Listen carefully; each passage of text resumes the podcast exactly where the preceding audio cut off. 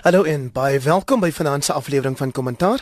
Vanaand se deelnemers aan die gesprek is Roland Henwood. Hy is 'n politieke kommentator by die Universiteit van die Universiteit van Pretoria. Naand uh, Roland.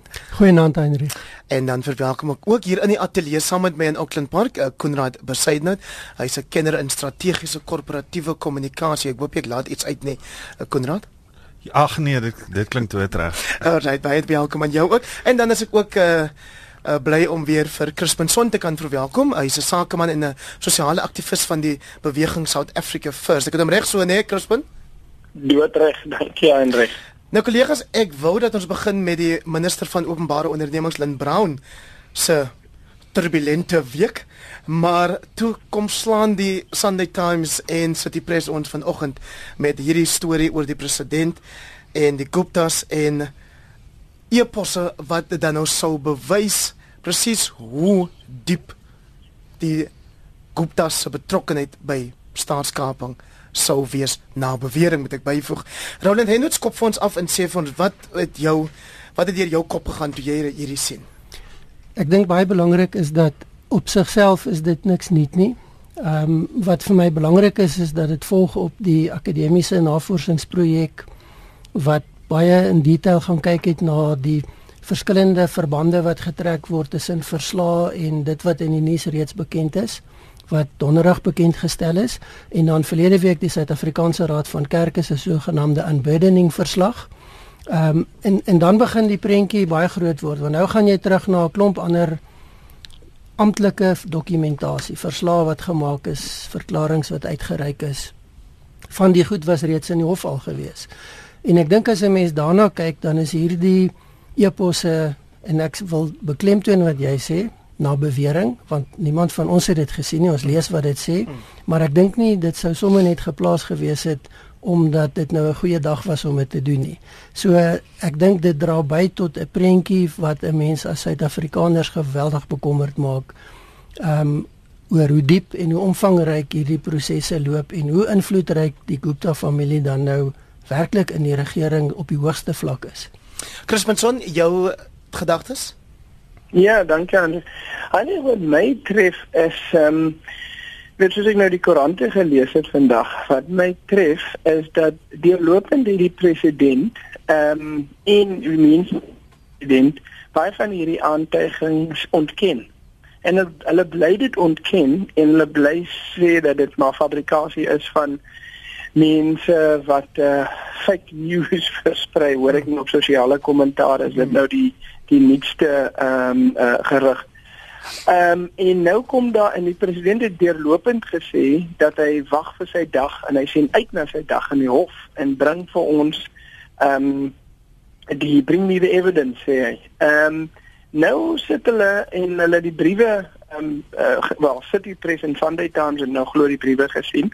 En wat my baie tref is net hoe totaal oneties en on en totaal met geen sin van skaam hoe die mense om die president die land uh, verlei nie. En jy weet as ek nou en ek ek moet die aanname maak dat die e-poste ehm um, uh, wat die wat die City Press en Sunday Times het, ek moet aanvaar dat dit deur hulle proses gaan het en dat dit dat dit wel bestaan en dat hulle wel ehm um, uh, kon vasstel dat dit um, dat dit uh, oorspronklik is. Maar nou sit ek met die met die wat my baie worstel is die feit dat die president en die mense om die president Lynn Brown ingesluit ek kan dit nou nie anders stel as sê vir die land deurloop en lieg nie. En dit aanstel my baie van die leierskap in die land en ons het almal gewag met die hoop.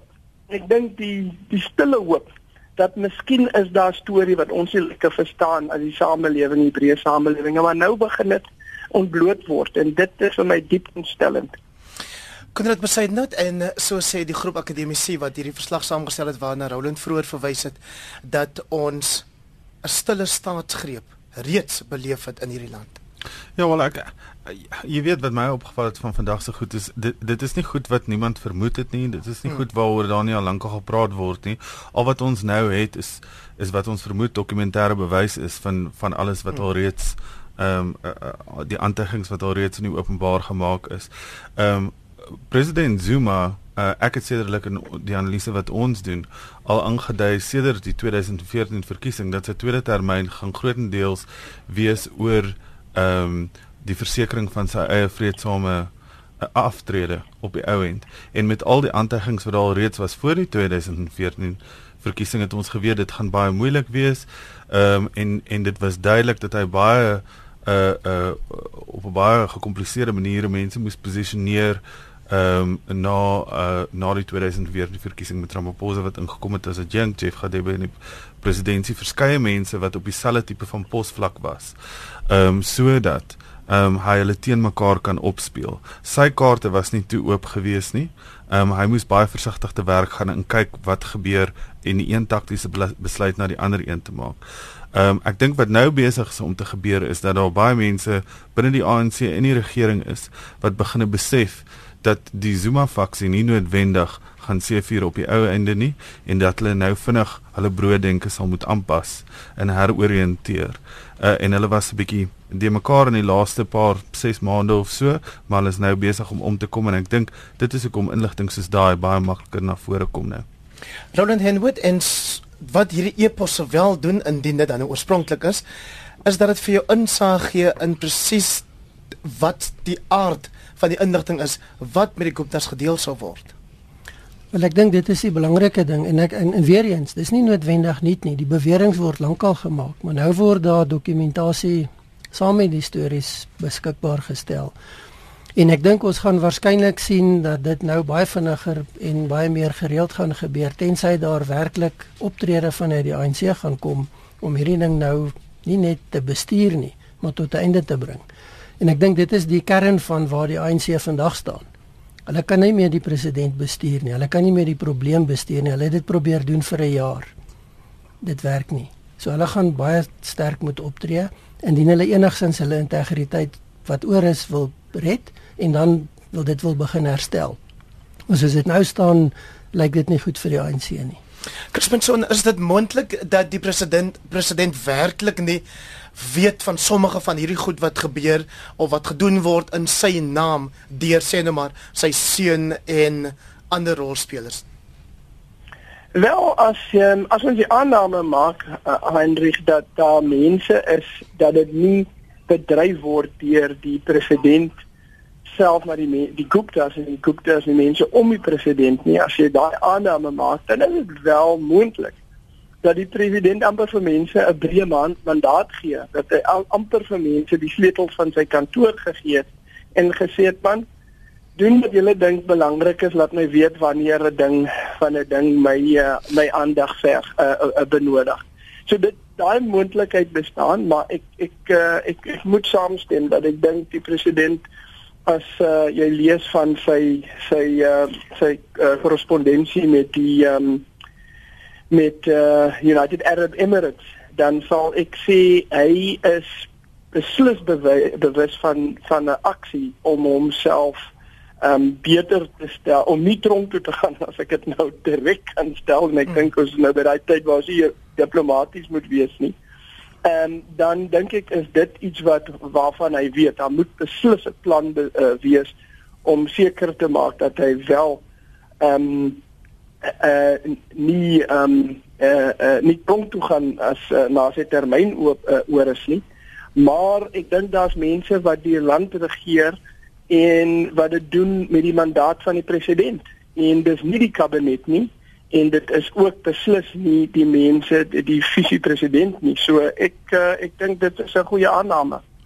Konrad besluit net en so lees ons dan nou ook dat 'n deel van die planners glo dat die president en dan die Verenigde wat dit Verenigde Arabiese State toe sou vlug of nou wel nie vlug nie, 'n ja. tweede tuiste daar sou skep.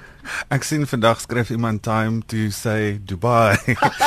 maar ons weet net dit is Abu Dhabi en nie Dubai nie. Ja. Ons het eers gedink is Rusland. So ek dink die klimaat is daarom daar 'n bietjie meer aangenaam. Maar ehm um, dit dit is die aanduiding. Kyk, daar is verskeie van sy familielede wat betrokke is in ehm um, sake uh, transaksies en so aan wat, wat wat probleme is. Daar is uh onwettige tabakhandel uh en en verskeie ander goederes wat al reeds genoem is. So ek dink dat as daar 'n uh, opvolger kom wat nie gesalfde is van Zuma nie, ehm um, dan gaan daar druk wees om hom te vervolg op die ou end. Ehm um, as hy uh, kwyt geskeld gaan wees ehm um, deur daardie opvolger, dan dink ek gaan daar uh, uh, jy weet 'n backlash wees. So ek dink uh, die pad vir die ANC vorentoe gaan baie versigtig moet wees om eenheid te verseker. Uh ek dink as dit 'n Ramaphosa pad vorentoe is, gaan ek nie ehm um, gaan dit uh, vir my nie verskriklik snaaks wees as ons dalk nog 'n klein wegbreek na die ehm um, linkerkant van die party toe sien nie. Ehm um, en uh ek ek dink dit is baie moeilik vir hulle. As jy pas by ons ingeskakel het, jy luister na kommentaar elke Sondag aan hierdie tyd ontleed ons vir jou die belangrikste nuusstories van die week en vanaand is my paneel Konrad Besaidnout, Roland Henwood en Crispin Son. Nou jy het nou nog gesê Roland dat dit duidelik is die ANC kan nie die president meer bestuur nie. Hierdie naweek het die ANC se nasionale uitvoerende komitee vergadering plaasgevind. Daar is weer eens 'n poging aangewend om 'n mosie van wantroue van binne die party teen hom ingestel te kry en die was weer eens ongeslaagd. Ja, ehm mis nou maar wag en sien wat is die amptelike verklaringe wat uitkom, maar dit is baie duidelik dat die party verskeur is. Dat daar diep konflik in die party loop en op die stadium is dit moeilik om te sê waarheen dit gaan. Daar was baie druk op die party geplaas dat juist die ehm um, nasionale uitvoerende komitee hierdie saak moet hanteer. Ehm um, daar was verlede week nog geskrywe gewees van die ou garde van die ANC wat gesê het maar dit is nie die party van die verlede nie, dis nie die party van Mandela nie en van ouer Tambo nie, hierdie goed moet hanteer word. En en dit is voorbeelde en dan is daar natuurlik van uit die ANC self 'n groot groep mense wat baie ontevrede is en bekommerd is. En hulle probeer om deur die kanale nie net druk te plaas nie, maar om hierdie ding tot 'n punt te bring. Die probleem is tot dusver kon hulle nie die meerderheid aan hulle kant kry wat dit moontlik sou maak nie. Nou dit lyk asof daar 'n magsverskywing in die ANC plaasvind. Daar's definitief al hoe meer mense wat baie openlik nie net teen die president praat nie, maar om teengaan. Die vraag is waar lê die swaartepunt? Wanneer gaan daai punt verbygesteek word waar die president nie meer kan wegkom met wat hy doen nie? En en die die die vraag wat hiermee saamgaan, as dit nie binne die nasionale uitvoerende komitee gebeur nie, dan is daar baie sterk aanduidings dat die parlementêre caucus 'n volgende geveg gaan wees want duidelik is daar 'n verwydering wat baie sterk ingetree het en dit lyk asof al hoe meer mense in daai caucus hulle teen Zuma begin uitspreek. So die die die die spanning in die ANC laai net meer en meer op en die konflik word net al hoe dieper. Crispin Son die Sunday Times wil ons laat glo dat daar tans in die ANC se nasionale uitvoerende komitee 45 lede is wat teen die president se so voortgesette leierskap gekant is en 41 wat ten gunste van sy leierskap is en dan 20 wat onseker is. Ja. En daai 20 wat uh, as ek maar nou deur die lys ken, uh, deur die lys gaan en na die name kyk, dan dink ek dit uh, dit dit dit is uh, dis 'n billike uh, weer, weerspieëling van die posisie, maar is daai 20 wat ek dink wag om te sien. Ehm um, hoe die wind waai na die NEC En ehm um, so my gevoel is dat die die ANC totaal verdeel is, maar daar's mos 'n lekker Afrikaanse gesegde 'n benoude kat maak benoude spronge. So ja. so meer die mense wat Zuma ondersteun onder druk kom, ehm, sal hulle wil seker maak dat hulle ehm um, die enige ehm um, uh uh poging om hulle aan te kla uh wil vermy en so dit beteken hulle sal nou alles in hulle mag doen om die posisie om die president te verstewig.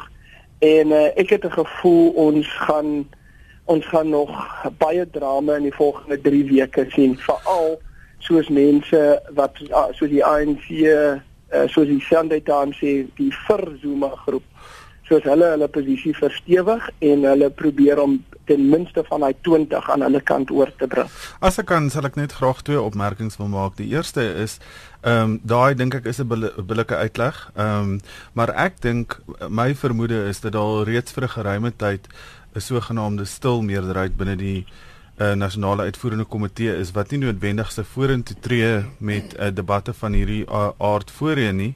Maar ons moenie vergeet nie by die vorige nasionale uitvoerende komitee was Zuma se benoudheid van die provinsiale afvaardigings uh, laat inkomste dat daar 'n uh, uh, uitgebreide nasionale uitvoerende komitee is om om aan die debat uh, deel te neem. Dit is die eerste ding en in die tweede plek Ehm um, dink ek tot 'n groot mate is baie van hierdie goeders uh, beselagtighede. Ons weet al lankal van hierdie goeders. Ons moet natuurlik uh, aandag gee aan wat in die um, staatsmaatskappye en so aan gebeur want dit is waar baie van die aksie is uh, en van hierdie goeders opdiep. Maar op die ou end moet uh, van ons waarnemers en analitici ophou om te sit en ons kinder nie oor koffie nie. Ons moet kyk na wat die instellings uh uh toegelaat is uh, bemagtig is om te doen. Ek dink tot 'n groot mate veg baie van ons instellings uh, baie goed terug, maar iets soos 'n kiesstelsel is nie besig om ons baie goed te dien uh, om ons um, te uh, om hierdie tipe van situasie te keer nie, omdat daar so 'n groot uh uh um uh omdat daar so 'n groot emphasis is op die verhouding uh, die mag van die partyleiers om te bepaal waar die verkose kandidate gaan gaan eerder as wat die kiesafdelings besluit en die verantwoordbaarheid um, op die ou end so uit hulle uitgekry word. Daar was Roland Henwood uh, die ander dag 'n oproep deur Dr. Blyden Zamandi van die SAKP dat ons moet kyk na wat ek sommer nou maar sal noem die van Cyril Slabber um, opsie waar jy 'n gemengde stelsel het proporsioneel en kiesafdeling um, eerder as dat jy weet jy tans net hierdie proporsionele stelsel het. Ja, dit is een van die opsies. Ek dink mense moet versigtig wees. 'n Kiesstelsel is 'n tegniese konteks. Ehm um, en daar's jy moet twee dinge met mekaar in verband bring in Suid-Afrika: verteenwoordiging en verantwoording. Op die stadium is verteenwoordiging baie sterk, verantwoording is nie baie sterk nie. Ehm um, die interessantheid is dat sonder om in te veel detail te gaan, maar dit is eintlik 'n anomalie. Die kiesstelsel wat ons het is veronderstel om een te wees wat lei tot 'n veelheid van kleiner partye wat in koalisies met mekaar werk. Dis die patroon in Wes-Europa waar die kiesstelsel gebruik word. So en dit is maar 'n faktor van ons geskiedenis en die sameloop van hoe ons geskiedenis uitspeel wat maak dat dit by ons 'n baie sterk ehm um, dominante partytelsel tot gevolg het. Maar dit is 'n wesenlike probleem en ongelukkig sit ons nou met die gevolge van daai verkiesing en die sterk partydissipline en die houvas van 'n party-elite op die uh, mense wat verkies word. Nou dit moet hanteer word voordat ons weer gaan kom by 'n geleentheid om na die kiesstelsel te kyk. Crispinson aan die 6 uur nuus op RSG het verloots gelees die DA oorweeg regstappe teen president Zuma, die Gupta familie, ministers, bestuurslede van staatsbeheerde instellings en ander wat betrek word by die ondermyning van die staat. Ek kan dit nog nie so mooi lees as hy dit gedoen het nie, maar wat is jou reaksie daarop?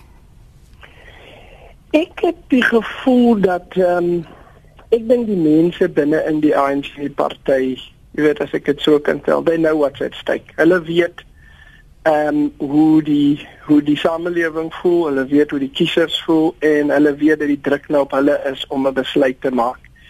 Ek weet nie of enige verdere regsaksie en om die howe verder in die ding in te betrek enigsins gaan help nie. My gevoel is ook dat mense moet dit nou vir as ek dit so kan sê die die, die goeie mense binne die ANC, die mense wat uh wat nog gevoel vir die land, vir die kiesers en en die uh in die samelewing het dat hulle nou aanvaar dat dit in hulle hande is. Ek glo werklik nie dat enige verdere aksie ehm um, wat voor die hof gebring word enige impak gaan hê nie. Ehm um, ja, so ek ek dink dis dis too politics en is uh vir mors van geld op die stadium. Wel as mense tyd wil wees dan sal mense miskien met die DA eerder regstappe neem teen Helen Zille op hierdie stadium van die geval en nie. ek vind dit baie dankie vir daai baie dankie vir daai stukkie insig. Kom kom ek vra jou oor uh oor die die, die as dit is dit so verregaande om te vra of ons genoeg waarborg het dat die 2019 verkiesing 'n regverdige verkiesing sal wees. As jy in ag neem wat jy weet die groot storie van die Russe se blykbare betrokkenheid by die Amerikaanse verkiesing. As die Russe argument sal wat dit in die wat ons nog tot nou gedink het die grootste demokrasie in die wêreld is kan doen en die president word uh, daar word gesê die president het baie goeie pelle met uh, Vladimir Putin. Wat het, het, het, as ek nou jy besig om nou iets te rook? Nee wat. Um, ek kyk ek dink in daai akademiese verslag wat hierdie week deur deur die uh Parry hier by Wits en van die ander universiteit gesit uitgesit is is daar baie goeie ehm um, uh voorstelle aan die einde van die dokument wat onder andere sê ons moet kyk ehm um, dat die invloed ehm um, op die uh, die hele ehm um, daai patronaatskap netwerk moet ontbind word. So daar moet gefokus word daarop en ek dink dit is deels hoekom Pravin Gordhan uit is want hy het baie sukses gehad daarmee. Ehm um, selfs hier by hierdie instelling waar ons nou vanaand sit. Ehm um, so dit was die een ding. Die tweede ding was gewees om te kyk na beter konsensus ehm um, vorming uh, in die politiek. Nou gits nou die derde ding by ontgaan. Maar uh, dit was allerhande goed om te kyk ehm um, dat jy daai uh, dinge begin uh, teenwerk. O, die derde ding was om te kyk dat die uh, die onafhanklike verkiesingskommissie nie um, onder die Gupta se beheer beland nie want daarso is 'n uh, kontrak of iets wat daarso uh, betrokke is. Die, die spesifieke detail ontgaan my nou, maar dit is daai tipe van goed waarteen ons moet keer uh, as uh, ons by die 2019 ehm um, uh, ag sorry die 2000 die verkiesingskongres van die ANC kom aan die einde van die jaar uh -huh. uh, en daai verloop ehm um, volgens prosedure ehm um, dan staan ons 'n goeie kans dink ek ehm um, onder onder Ramaphosa presidentskap sal ek ehm um, selfs die voorspelling waag dat ek dink daar 'n bietjie van 'n herlewing in die ANC gaan wees veral na aanleiding van hoe hy sy veld tog op die oomblik doen dit is spesifiek gebou lyk dit vir my om die ANC te herbou, die manier waar hy die onderskrywing van sy leierskap uh inkry van die verskillende provinsies. Hy maak staat op die ouens daar op die grond om hom te lei uh oor sy veld tog. Hy doen dit nie van bo af nie. En ek dink dit gaan vrugte afwerp op die op die ouend en ek sou dink dat as die ANC onder 55% selfs gedruk word dan sal dan sal ek dink dit is dit sal werklik iets wees wat ek nie gedink het sou gebeur nie. Roland Henwood daar's 'n gereelde deelnemer in hierdie program Jan Jan Joubert. Hy glo dat ons moenie jy weet so ehm um, uh, oortuig wees daarvan dat die ANC sal wen in 2019. Hy voorsien juis die scenario of situasie wat Konrad Danera so bespreek het of of liewer um, vir ons uitgespel het. Wel ek dink baie belangrik is dat die ANC se steun wat hy verloor het in vlede jaar se plaaslike regeringsverkiesing, behalwe dat die plaaslike regeringsverkiesing bietjie anders is as nasionale verkiesings, is grootliks mense wat op wat nie gestem het nie. Die oppositiepartye het nie dramaties gegroei in vergelyking met vorige verkiesings. Hulle het gegroei, maar niks buitengewoon nie.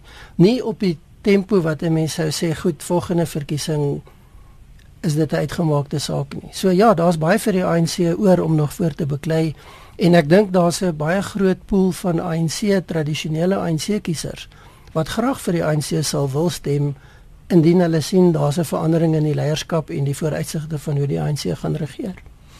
Crispin ek het jou vroeër hoor verwys na die goeie mense ja. in die ANC. Ek dink Lynn Brown is deur baie tot hierdie week wat verby is beskou as een van die ANC se goeie mense. Ehm um, ek sien ook die ANC die Sunday Times jammer lys haar op die lys van NEK lede wat teen gunste van die president so voortgesette leierskap is. Geef ons jou jou mening oor die verdediging of die feit dat Brown hierdie week gesê het hoor die mense julle verstaan hierdie besigheid verkeerd ek het met die herinstelling of my instemming tot die heraanstelling van Brian Molefe as Eskom baas eintlik die land 'n groot guns bewys. Ja. Sure.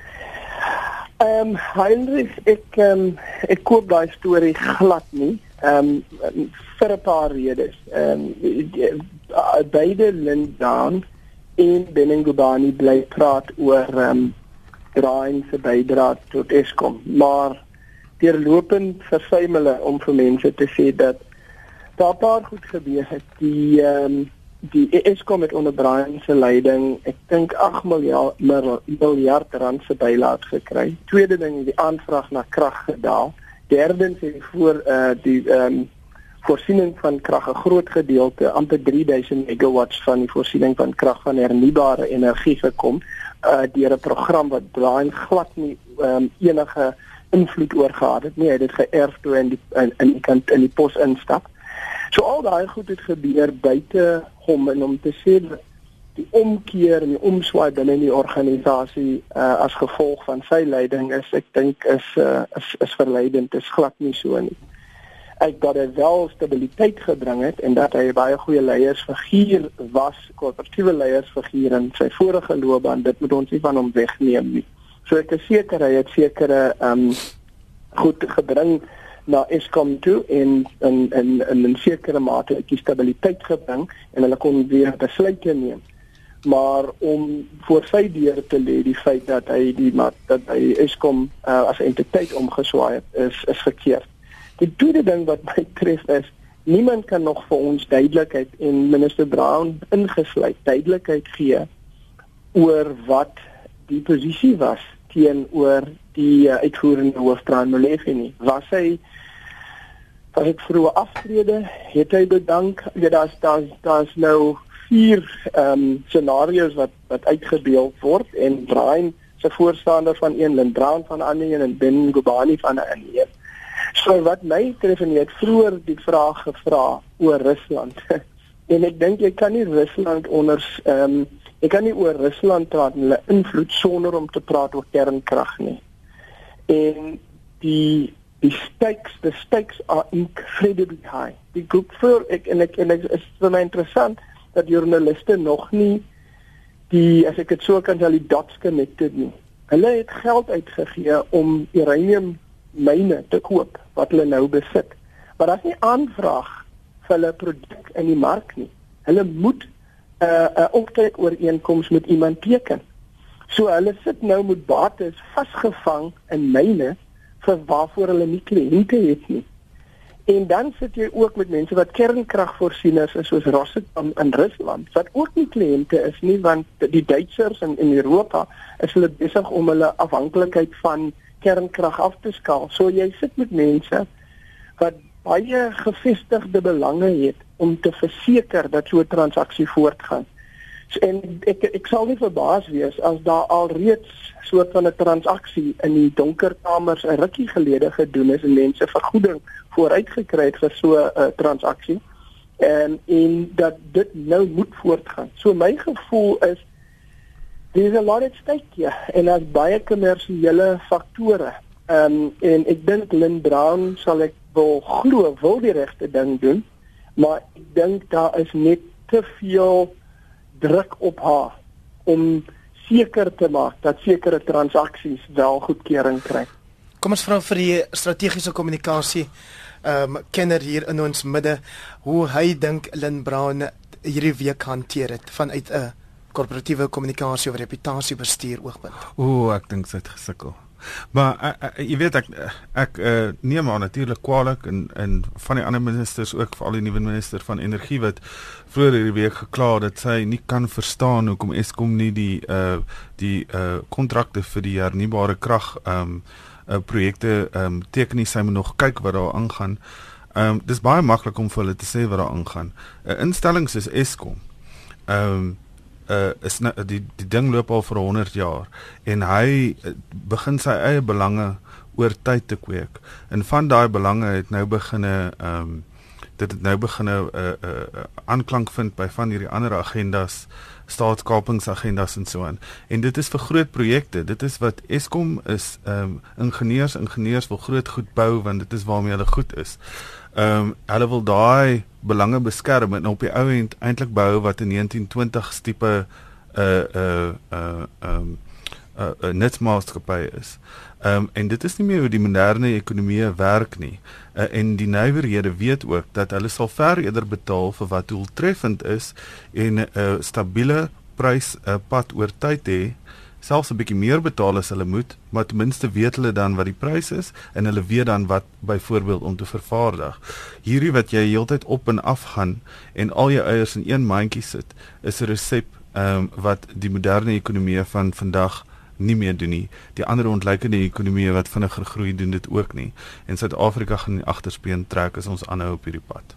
Lynn Brown hierdie week uh, Roland Henwood I am a loyal member of the ANC and I subject myself to the wisdom of the party leadership. As hierdie ontledings wat ek hoor oor die Rusland kernkrag kwessies, waar is waarom sou die ANC dan gekant wees daarteen dat Brian Molefe terugkom as Eskom baas?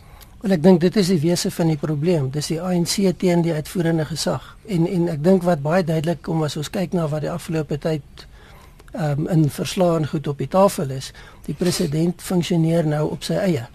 Die president funksioneer nie meer as die leier van die ANC nie. Hy gebruik die ANC om homself te legitimeer, maar hy word met advies bedien van buite die ANC en van buite die kabinet. En daar's klein groepies mense rondom die kabinet wat met tye deur hom geken word. En dan is daar individue wat skynbaar oor sekere sake baie na aan hom is. Maar dit is nie meer 'n kwessie van uitvoerende bestuur wat gebaseer is op die wetgewende gesag en die meerderheidsparty nie. En ek dink dit is die konflik wat ons hier sien uitspeel. Wat vir my interessant is van van minister Lynn Brown is ek het die indruk gekry op 'n stadium dat sy sy staan terug. Sy is nie meer lus vir die geveg nie, sy weet nie watter kant toe nie.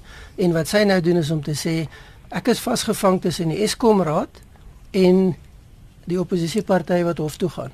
So ek gaan nou nie meer daai saak teenstaan nie. Kom ons kyk wat daar uitkom. So ek dink sy staan terug. Ja, net 'n kort uitvloeisel is ek dink ehm um, uh, Rollins reg die president en daai faksie se se mag is besig om skerp af te neem. Maar as 'n mens kyk wat besig is om na vore te kom byvoorbeeld in die ANC se beleidsdokumente, is daar reeds 'n tentatiewe van oorweging van Eskom moet opgebreek word. Ehm um, die verspreiding van elektrisiteit van die opwekking van elektrisiteit en so aan, daai is die regte tipe van denke. So ek dink wat ons nou sien is binnekort uitgedien. En 'n ander nes president Donald Trump van Amerika het hierdie week sy eerste oorseese besoek onderneem. Hy is na die Midde-Ooste, hy's Italië toe en hy het onder meer die paus ook ontmoet.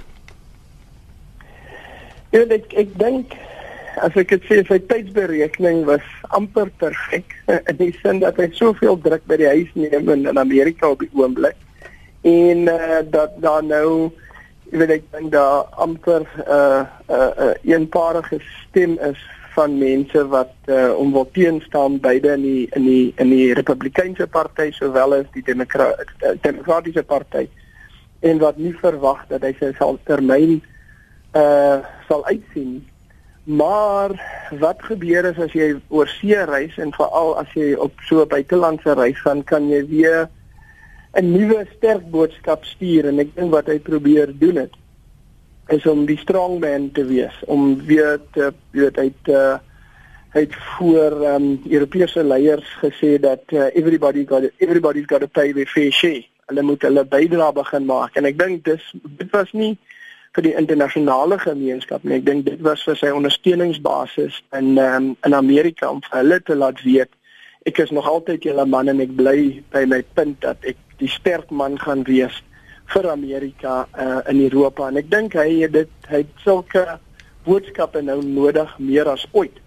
Want uh, ek dink hy ook uh, soos ons nou gepraat het met oor president Zuma ehm um, ek dink sy ondersteuningsbasis is besig om om te verswak uh, in sy eie land. En so die buitelandse reis was was 'n baie goeie berekende reis uh, uh, in my opinie Ons het nog so min of meer 5 minute oor Roland Henwood. Dink jy president Donald Trump kry reg wat hy gehoop het om met hierdie besoeke reg te kry? Want ek dink in die eerste plek is dit baie onduidelik wat hy hoop om reg te kry. En ek sê dit omdat sy verkiesingsuitsprake en sy optrede nou botslynreg met mekaar. So vir my wat hier in Suid-Afrika sit, ek is baie vaag oor wat ek dink hy probeer doen. Ehm um, ek dink as ek miskien twee punte kan uitlig. Ja, hy het nogal redelik gemaklik deur die proses gegaan. Ehm um, maar tog as 'n mens begin kyk wat hy gesê en gedoen het, dan is dit of hy net eenvoudig nie met mense kan saamwerk nie. Ehm um, hy het die G7 vervreem. Hulle praat in een van hulle persverklaringe van die G6 en die G1. Ehm um, dit is nie goed nie. Hy het groot konsternasie by NAVO veroorsaak. Hy was geweldig ondiplomaties in hoe hy sake hanteer het. En ek dink dit is die krisis. Hy's besig om die FSA te isoleer. Nou sy idee van die FSA eerste is heeltemal iets anders as om te sê ek isoleer my van die res van die wêreld op 'n negatiewe manier.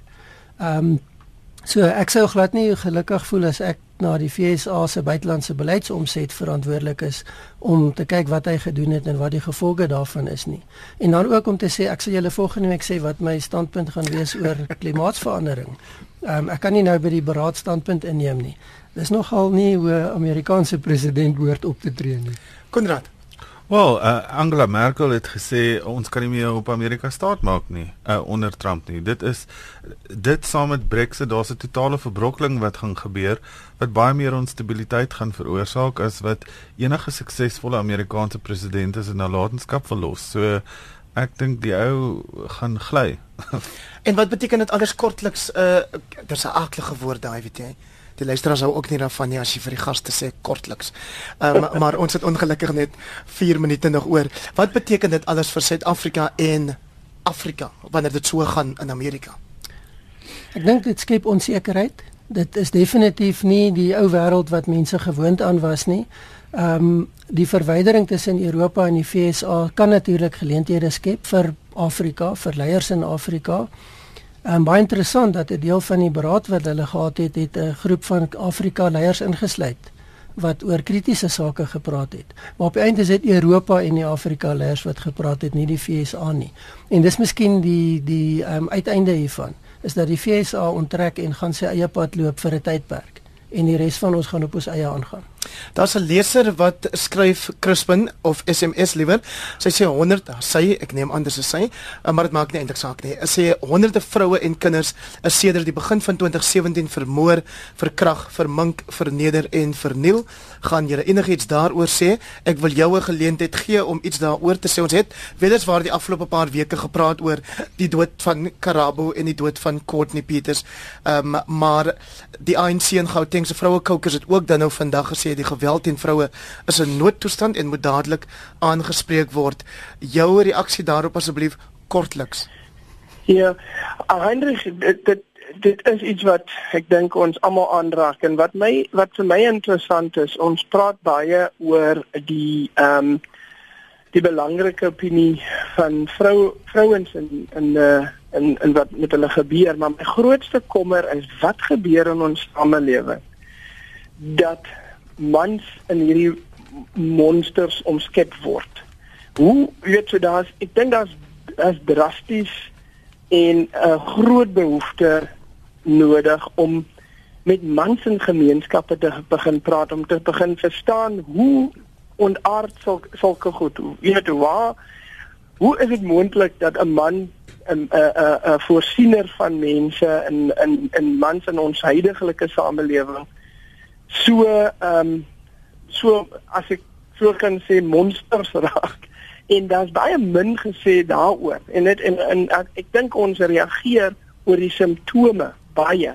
En dit is uh, onaanvaarbaar wat in ons samelewing gebeur. Maar ek dink ons moet bietjie begin vra wat is die oorsaak hiervan? En hoe spreek ons dit aan? En hoe begin mans alus uh, ons het op een van jou vorige gesprekke was daar gepraat oor Angus Buckman wat uh, wat 'n groep mense ehm um, uh, om amper 'n miljoen mans bymekaar gehad. En ek het ek het dit ja. ondersteun hoofsaaklik omdat ek geglo het meer mans moet begin worstel hieroor en saam met mekaar praat en sê hoe help ons om dit te verhoed? En ek dink daai gesprek gebeur nie in ons samelewing nie Kon dit besluit nou die afgelope week het Suid-Afrika een van sy baasspelers verloor. Uh, Dis nou Piet Beileveld wat aan kanker oorlede is. Ehm um, hy was sekerlik iemand wat gehelp het om baie van hierdie oortreders in die tronk te kry wat as jy dink byvoorbeeld aan die Lee Matthews um, moordsaak um, en uh, ja nou sien nie meer met ons nie. Nee, dit is definitief so. Ek dink Suid-Afrikaners hou almal van 'n held en veral 'n held wat ons almal op 'n manier bymekaar bring. En um, Piet Bouleveld was een van daai ouens wat daai tipe van ehm um, bewondering oor grense geniet het in Suid-Afrika oor dat hy reg gekonsentreer het om die slegte ouens daar te kry en nie om vir 'n spesifieke groep te veg nie. So ek dink dit was wonderlik en ek dink ehm um, ons kan dit nie van hom wegneem nie en ons is jammer dat hy weg is. Roland Ja, ek, en ek dink die belangrike ander aspek daarvan is ehm um, ek dink ons is so vasgevang in noem dit maar groot politieke stories dat 'n mens vergeet baie keer van die lewe gaan aan. En en hier's mense wat 'n goeie wedloop gehad het en en ek dink 'n mens kan terugkyk na sulke mense en dalk moet ons dit meer doen ook in die konteks van die vraag oor oor wat gebeur met met geweld teen vroue en kinders in Suid-Afrika. Ehm um, dit is gesprekke wat broodnodig is en hulle kry nie die aandag en die tyd wat 'n mens dink ek daaraan geboorte gee gegee wat die omvang van die probleem nie. En en dit is een van die mense wat 'n bydrae in daai konteks gelewer het.